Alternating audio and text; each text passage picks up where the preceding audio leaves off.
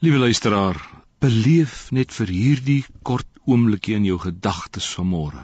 Daar die hartseer om Lazarus se graf. En hier kom Jesus aan. Hy's nou nog laat ook. Tog konfronteer hy die familie met die volgende woorde. Hy kyk vir Martha stip in die oë en hy sê: "Jou broer sal weer opstaan." Hy gaan aan en hy sê: "Elkeen wat lewe en in my glo, sal in ewigheid nooit sterf nie. Glo jy dit, Martha? Hy kyk jou vanmôre stip in die oë en hy vra vir jou: Glo jy dit? Dis van kardinale belang dat ek, dienaar van God, jou sal vra vanoggend. En wat gaan jou na die dood miskien in die hemel bring? Jesus Christus. Slegs hy alleen bied jou en my die weg en uitkoms na die ewige lewe. Jy luister miskien vanmôre hierna met 'n verpletterende hart.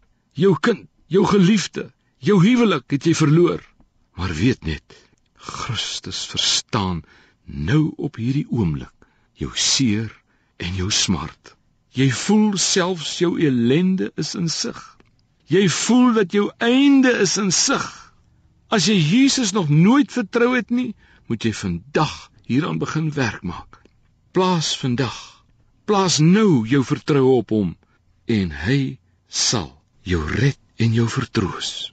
Dit beteken wanneer ek my laaste asem uitblaas, ek hier van die dood oorgaan in die ewige lewe.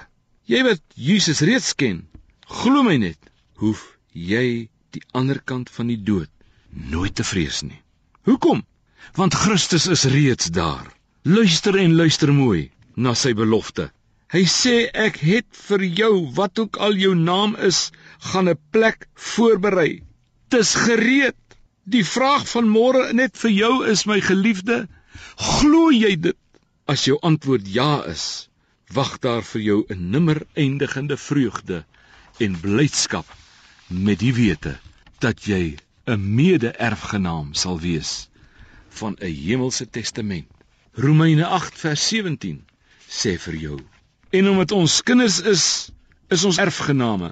Ons is erfgename van God, erfgename saam met Christus. En dan kom die woord uit Galasiërs uit. Galasiërs 4 vers 7. Jy is dus nie meer 'n slaaf nie. Jy is nou 'n kind van God. En omdat jy sy kind is, het God jou ook sy erfgenaam gemaak. Prys sy kosbare naam. Direk na jou laaste asem. Die ewige lewe. Amen.